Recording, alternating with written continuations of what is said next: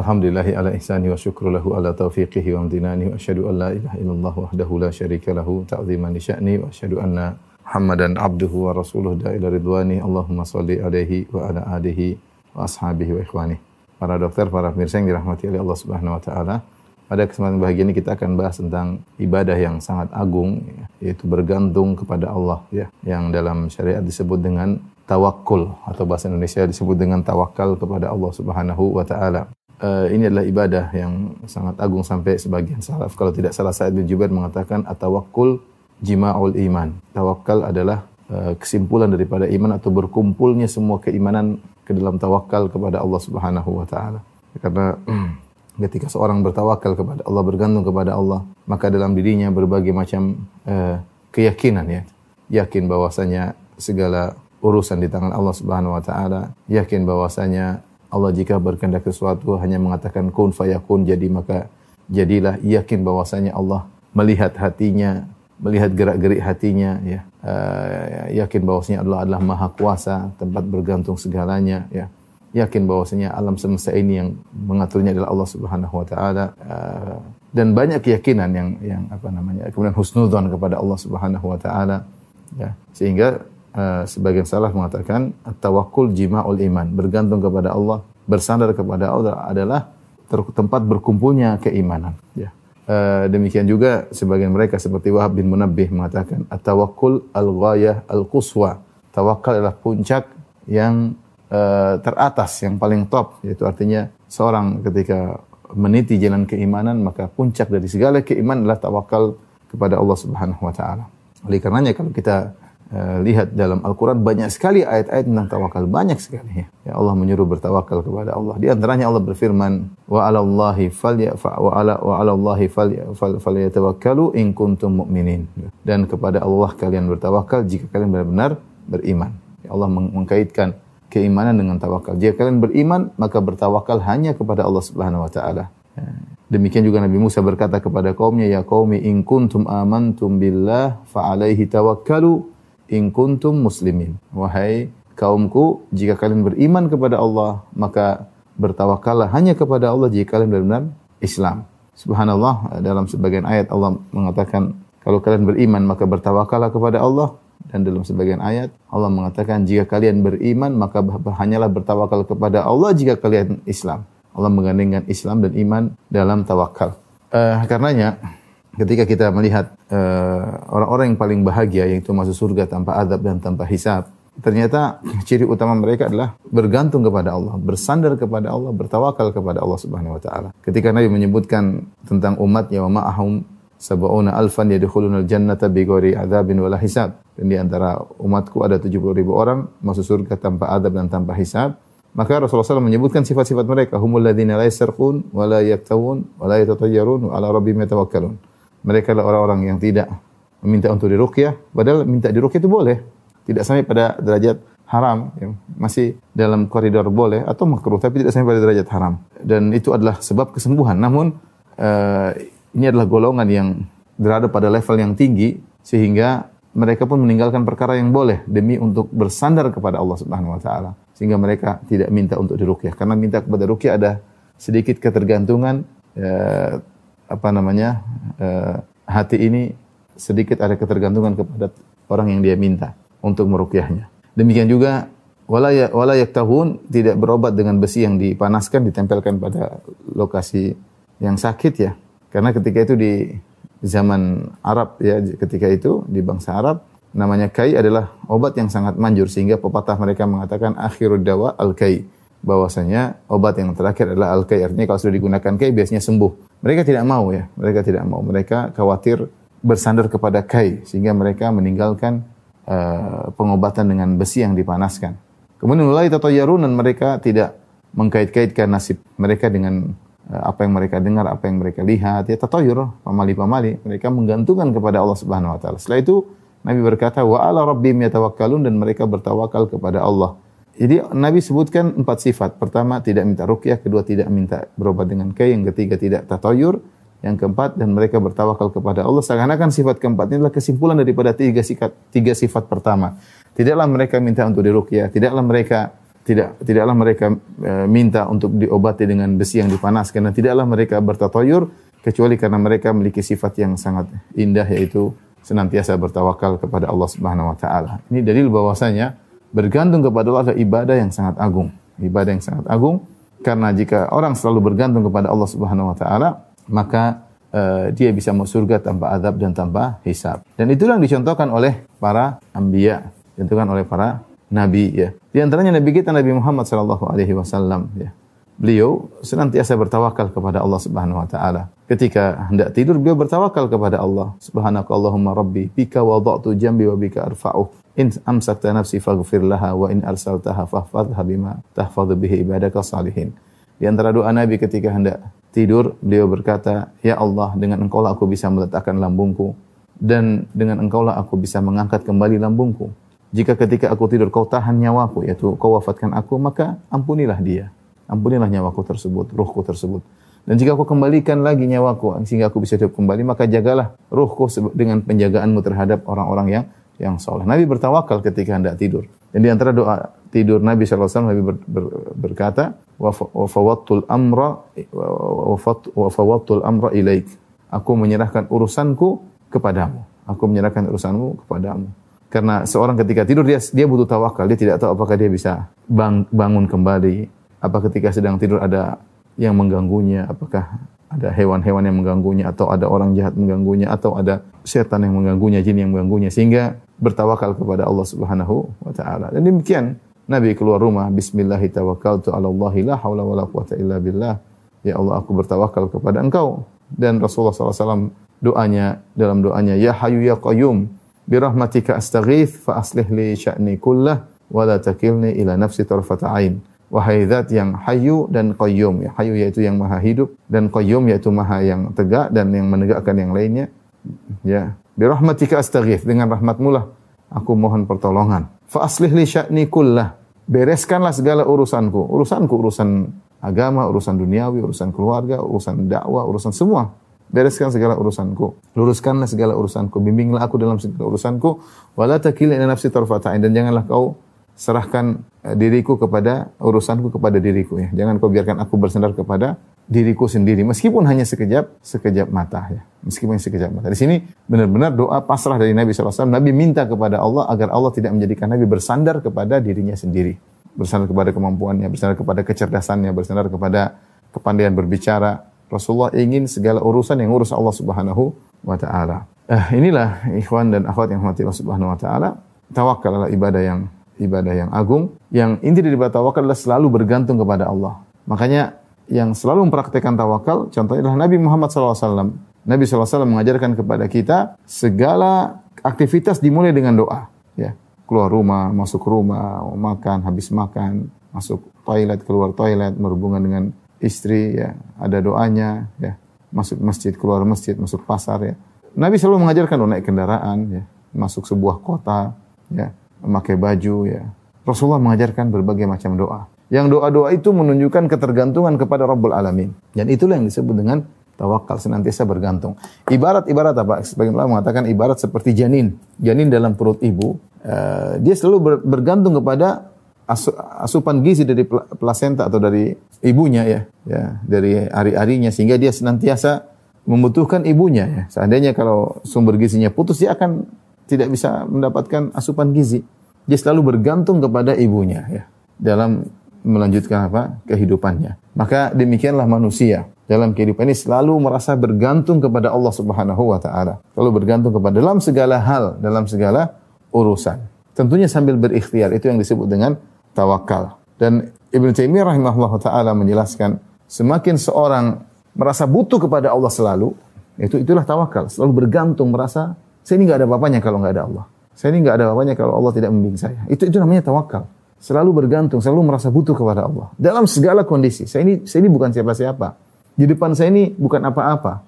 Yang menentukan semuanya Allah Subhanahu wa taala. Itu yang disebut dengan tawakal. Kata Ibnu Taimiyah rahimahullah semakin seorang merasa butuh kepada Allah semakin tinggi di sisi Allah. Allah mengatakan, "Ya ayuhan nas antumul fuqara'u ila Allah." Wahai manusia sekalian, sungguhnya kalian adalah fakir kepada Allah. Wallahu wal ghaniyul hamid. Dan Allah Maha kaya dan maha terpuji. Ya. Jadi beda kalau kita sesama makhluk. Kita semakin butuh kepada makhluk, kita semakin terhina.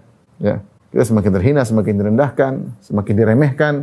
Tapi kalau Allah Subhanahu wa taala semakin kita merasa butuh, setiap saat kita merasa butuh, itulah tawakal kita kepada Allah. Kita senantiasa bergantung, merasa butuh kepada Allah. Itulah hakikat tawakal dan kedudukan kita semakin tinggi. Karena semakin kita bertawakal kepada Allah, semakin tinggi kedudukan kita di sisi Allah Subhanahu wa taala. Uh, hakikat tawakal ya, hakikat tawakal ya. Ini sekedar mengingatkan ya. Hakikat tawakal sebagaimana sering disampaikan oleh para ustadz yaitu dua uh, hati senantiasa bersandar, iktimat bersandar itu bergantung, merasa butuh, bergantung, merasa butuh kepada Allah. Maksudnya kalau kalau tidak ada Allah sini bukan apa-apa ya. Saya tidak kalau tidak ada Allah maka semua materi di depan saya ini tidak ada apa-apanya. Semua sebab yang saya lakukan tidak ada apa-apanya. Allah sebagai penentu.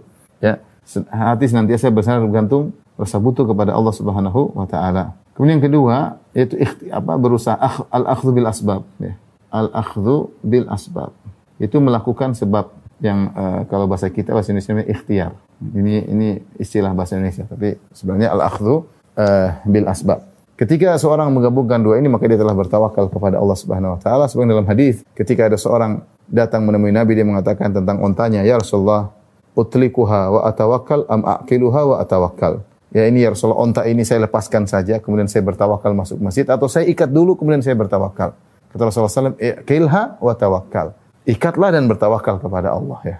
Jadi seorang berusaha melakukan sebab dengan mengikatkan meng, meng, mengikatkan hati, menggantungkan hati kepada Allah Subhanahu uh, wa taala.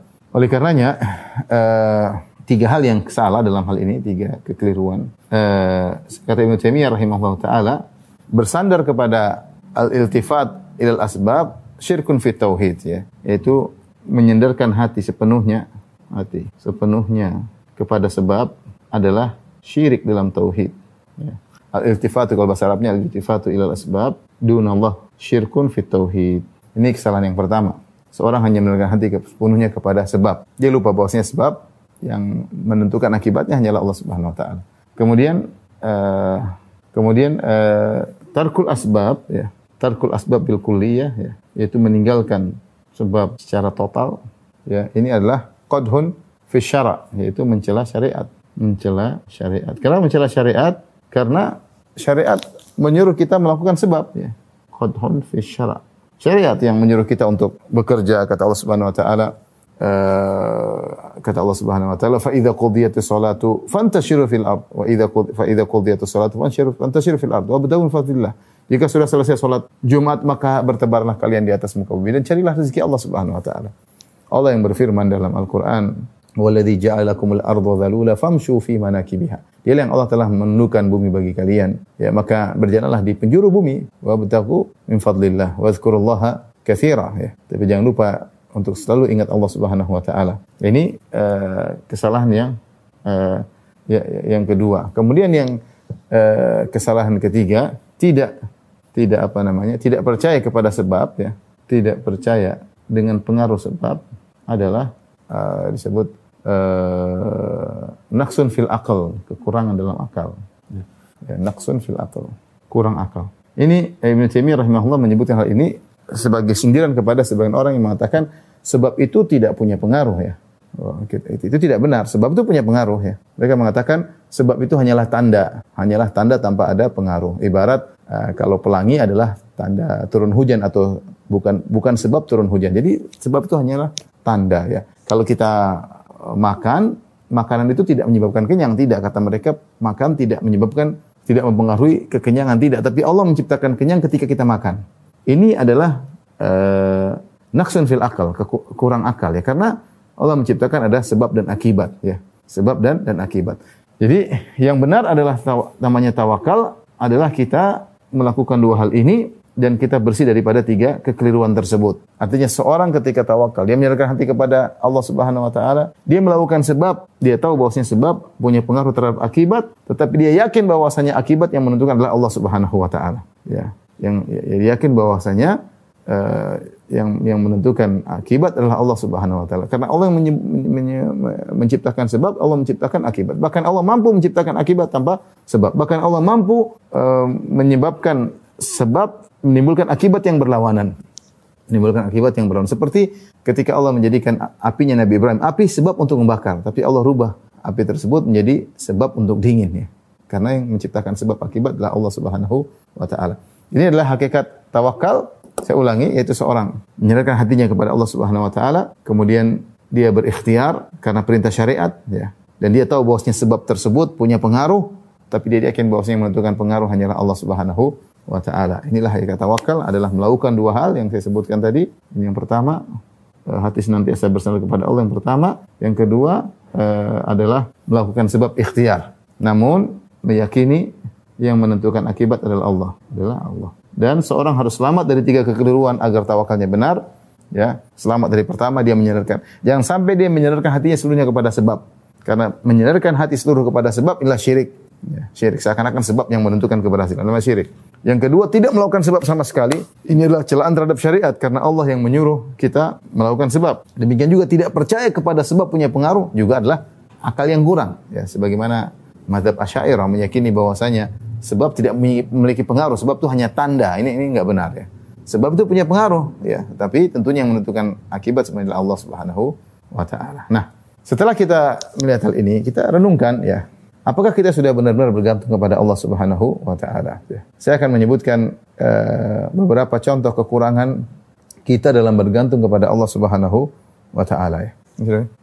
Contoh-contoh uh, kur atau kurang atau salah salah dalam bergantung kepada Allah. Ada beberapa contoh uh, salah dalam dalam bergantung kepada Allah. Contoh pertama adalah ya tadi al-i'timadul kulli alal asbab ya, yaitu bersandar sepenuh hati pada sebab.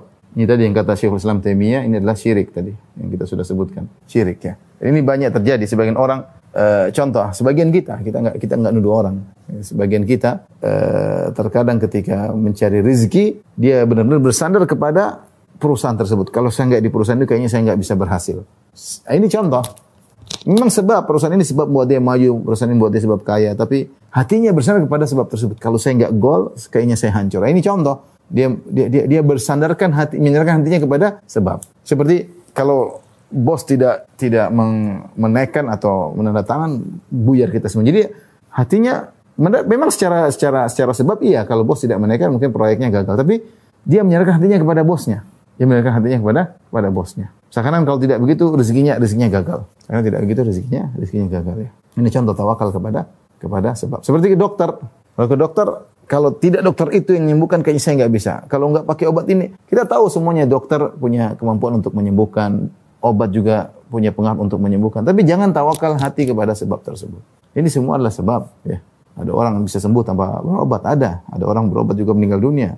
Ya ada orang berobat, alhamdulillah sembuh. Artinya semua yang menentukan Allah Subhanahu wa taala, ya. Sehingga jangan sampai kita menyerahkan hati kita sepenuhnya kepada sebab. Dan ini terkadang tanpa kita sadari. Jadi para dokter yang hati Rasulullah, tawakal ini bertingkat-tingkat. Ada orang yang tawakalnya sempurna sehingga dia senantiasa bergantung kepada Allah Subhanahu wa taala. Adapun model-model kita ini terkadang kita tawakal kita bagus dalam sebagian kondisi. Namun dalam sebagian kondisi yang lain tawakal kita tawakal kita lemah sehingga ketergantungan kita kepada Allah tidak tidak sempurna, tidak sempurna ya. Uh, saya apa namanya mendengar cerita sebagian kawan, subhanallah ya. Uh, ketika tawakalnya tinggi, Allah beri jalan keluar ya. Ada saya punya kawan, dia punya anak, dia punya anak sekolah di luar negeri, di uh, kemudian alhamdulillah dia uh, kalau dia kata saya tersebut anaknya termasuk tiga besar ya dalam yaitu mahasiswa Indonesia tiga tiga besar ya berhasil ya sehingga punya kemampuan khusus Anaknya juga ngaji alhamdulillah ya. Saya sering ketemu dia juga. Uh, kemudian dia bekerja pada suatu perusahaan yang kebetulan mungkin gajinya tidak banyak ya bagi orang seukuran dia. Gajinya sekitar puluhan juta saja mungkin. Suatu saat, suatu saat ayahnya bilang sama dia, nak kamu kok nggak seperti si fulan si fulan umur 40 sudah mencapai keberhasilan luar biasa sukses sudah jadi miliarder umur 40. Kamu kenapa nggak menempuh jalan mereka? Mereka juga dulu sekolah di luar negeri dan mereka punya keahlian. Kenapa kamu nggak seperti mereka? Maka teman saya cerita, anak, anak saya bilang begini, ayah, saya bisa seperti mereka ya. Cuma mereka itu berhasil karena mereka ada main praktek riba. Saya, saya nggak mau seperti mereka. Saya nggak mau seperti seperti mereka. Jadi saya lebih baik bekerja pada perusahaan yang bebas dari hal tersebut. Sebenarnya anaknya tersebut akhirnya bekerja pada perusahaan yang gajinya tidak banyak. Sebentar kalau dia bekerja di perusahaan lain mungkin langsung 150 juta, langsung 200 juta per bulan. Dia cuma dapat mungkin puluhan. Tapi karena dia punya keahlian yang luar biasa. Akhirnya perusahaan tempat dia bekerja tadi takut kehilangan dia. Perusahaan tersebut akhirnya memberikan uh, apa namanya uh, saham 15% buat dia, buat anak ini. Sehingga dia bisa ratusan juta juga dapat penghasilan tiap bulan karena dia memiliki diberikan saham oleh perusahaannya. Perusahaan tersebut ingin dia konsentrasi mengembangkan perusahaan tersebut. Rezeki dari Allah Subhanahu wa taala. Dari Allah Subhanahu wa taala. Ini ini ini kisah nyata. Saya juga punya teman mengalami yang mirip. Artinya tawakal kepada Allah Subhanahu wa taala. Dia punya proyek, proyek ini lumayan ya, mungkin ya proyek proyek banyak lah ya. Saya tidak perlu sebut nominalnya. Ketika dia menjalankan proyek, akhirnya ada intervensi dari sebagian pihak menyuruh dia untuk menyogok sana sini atau menjadikan sebagian orang ikut investasi dalam perusahaan tersebut. Ya, dan dia merasa ini melanggar syariat. Sehingga akhirnya dia tidak mau menjalankan proyek tersebut. Tidak mau dia.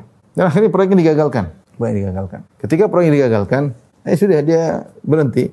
Akhirnya diangkatlah eh, kontraktor lain ya untuk menjalankan proyek tersebut. Setelah berjalan kontraktor baru tersebut menjalankan proyek tadi, ternyata mereka gagal karena sulit menjalankan proyek tersebut. Kontraktor ini gagal, akhirnya teman saya dicari-cari, dicari-cari untuk menjalankan proyek tersebut dan tidak ada namanya sogok menyogok. Seorang bertawakal kepada Allah Subhanahu wa taala. Dia yakin bahwa rezekinya bukan bukan di tangan mereka, rezeki di tangan Allah Subhanahu wa taala. Allah punya cara untuk memberi rezeki. Ini contoh. Jadi seorang ketika melakukan segala kegiatan, ya Jangan sampai dia bersandar kepada sebab. Kita ini banyak kita, artinya terkadang kita lupa diri.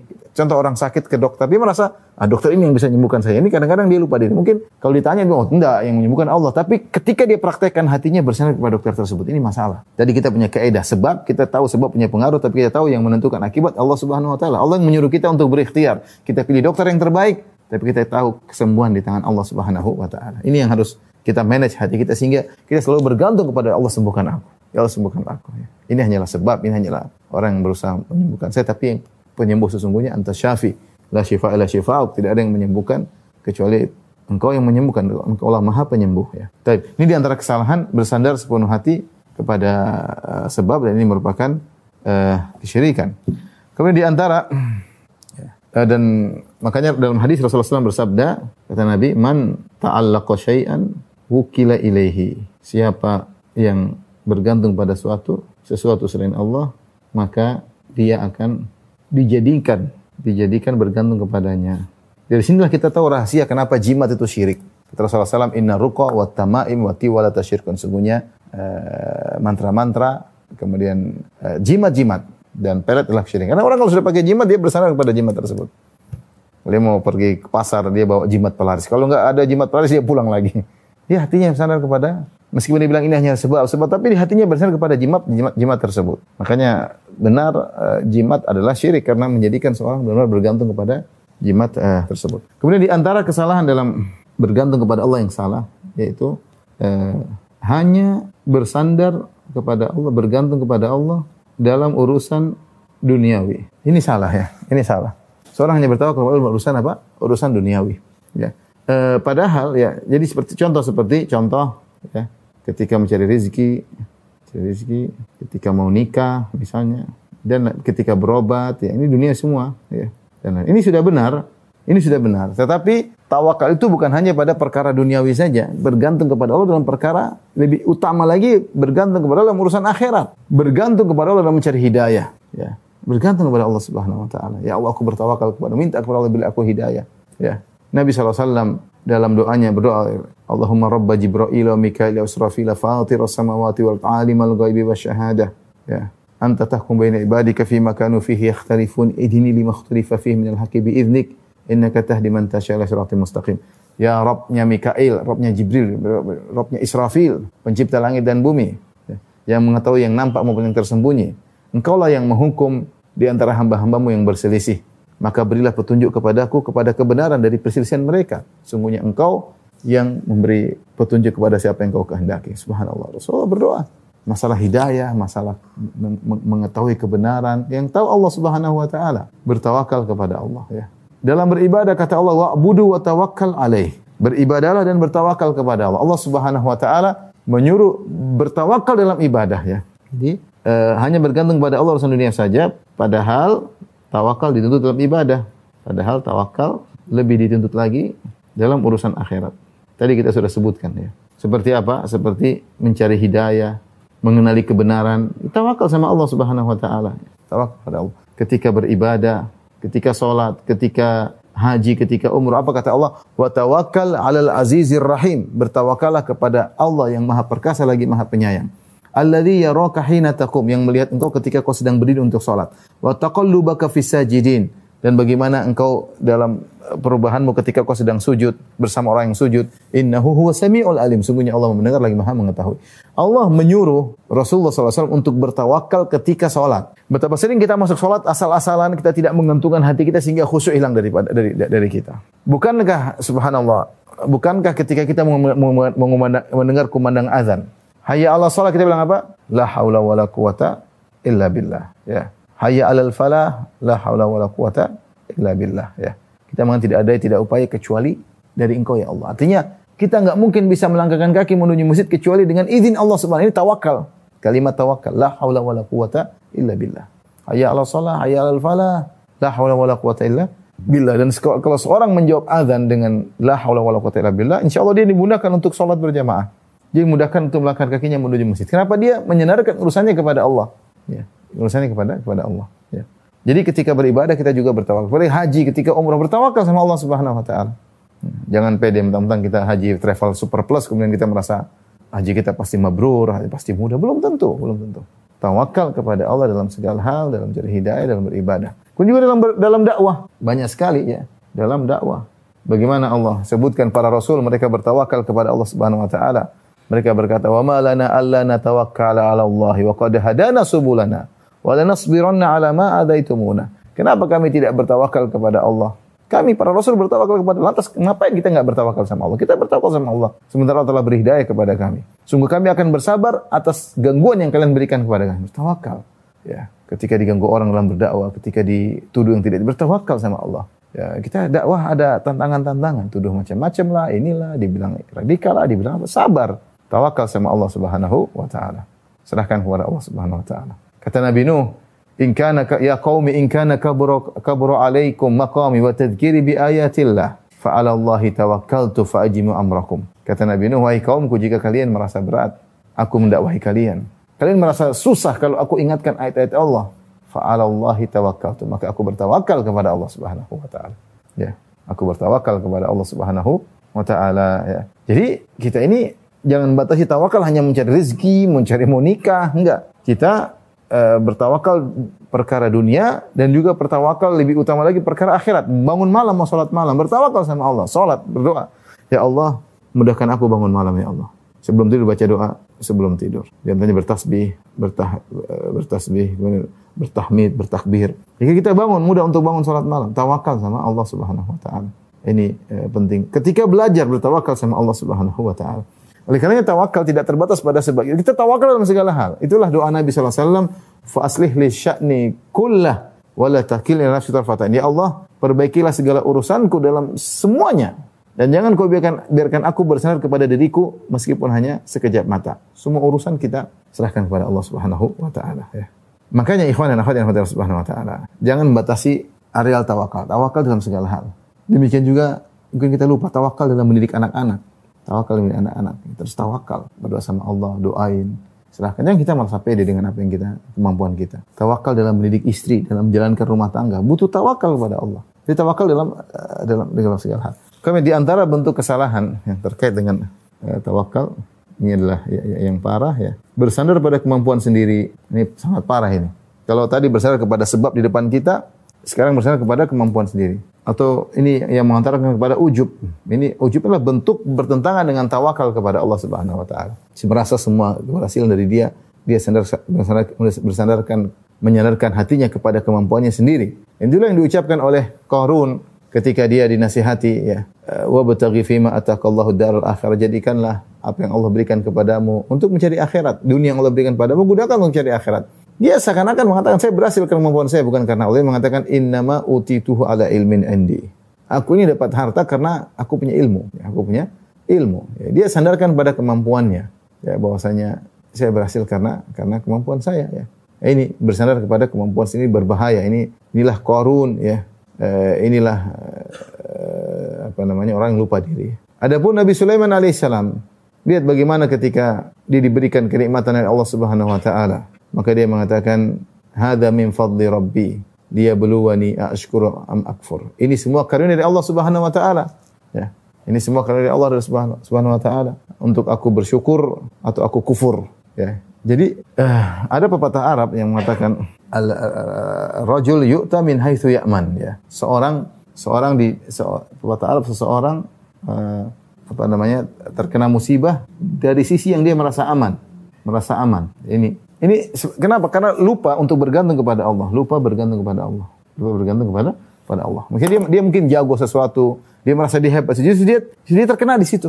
Terkadang menimpa sebagian olahragawan, dia, dia merasa hebat dalam justru dia terkadang terjungkal di situ. Dia dia merasa aman ya. Atau misalnya dia pakai seperti ada kawan pakai alat pelindung, dia merasa pasti nggak nggak aman. Ternyata dia malah kena di situ. Padahal dia sudah pakai alat pelindung ya. Jadi hati-hati ya. Terkadang kita terkena di mana kita merasa aman. Kenapa kita merasa aman? Ketika merasa aman, kita lepas ketergantungan kita kepada Allah. Kita nggak bergantung. Kita merasa aman karena kita punya kemampuan. Situlah terkadang Allah memberikan uh, teguran sehingga kita terkena di situ, terkena di situ. Oleh karena seorang uh, jangan merasa pede dengan apa yang dia miliki. Kalau dia punya kemampuan, dia cerdas, dia pandai berbicara, dia pandai berorasi, dia punya ijazah yang banyak, dia sudah belajar di luar negeri, dia punya pokoknya dia bilang ini semua dari Allah. Sehingga dia tidak pede kecuali dia tahu ini semua Allah kasih saya agar saya bisa ya. Jadi dia sandarkan selalu kepada Allah. Sandarkan selalu kepada Allah. Kalau dia sudah bersandar kepada Allah, maka dia boleh pede karena dia merasa di balik saya semua ada Allah Subhanahu wa taala, ya. Kemudian uh, di antara kesalahan yang ini, ini, ini sangat fatal ya. Uh, menjadikan tawakal adalah yang terakhir. Menjadikan sikap bergantung kepada Allah sebagai senjata yang terakhir. Ini kesalahannya. Udahlah saya sudah berusaha tawakal aja. Ini salah. Sejak awal kita tawakal. Sambil kita berusaha kita tawakal. Ya. Lihatlah bagaimana para nabi ketika dalam kondisi genting mereka bertawakal kepada Allah Subhanahu wa taala. Bagaimana Nabi Hud alaihissalam ketika diancam oleh kaumnya, "Inna qulu illa taraka ba'du alihatina bisu." Qala inni usyhidullah wa asyhadu anni bari'un mimma tusyrikuna min duni fakiduni jami'an thumma la tunzirun inni tawakkaltu 'ala Allahi rabbi wa rabbikum ma min dabatin illa huwa akhidhun rabbi ala siratim mustaqim ketika kaumnya menakut-nakuti Nabi Hud kita tahu bagaimana kaum Nabi Hud yang begitu kuat mereka yang sombong mengatakan man asyadu minna quwwah siapa dari manusia di dunia yang lebih kuat daripada kita kita yang paling kuat kemudian mereka mengancam Nabi Hud bahkan mereka menakut Nabi Hud menakut-nakuti Nabi Hud mengatakan wahai Hud menurut kami kau telah terkena penyakit kegilaan akibat mencela sembahan-sembahan kami.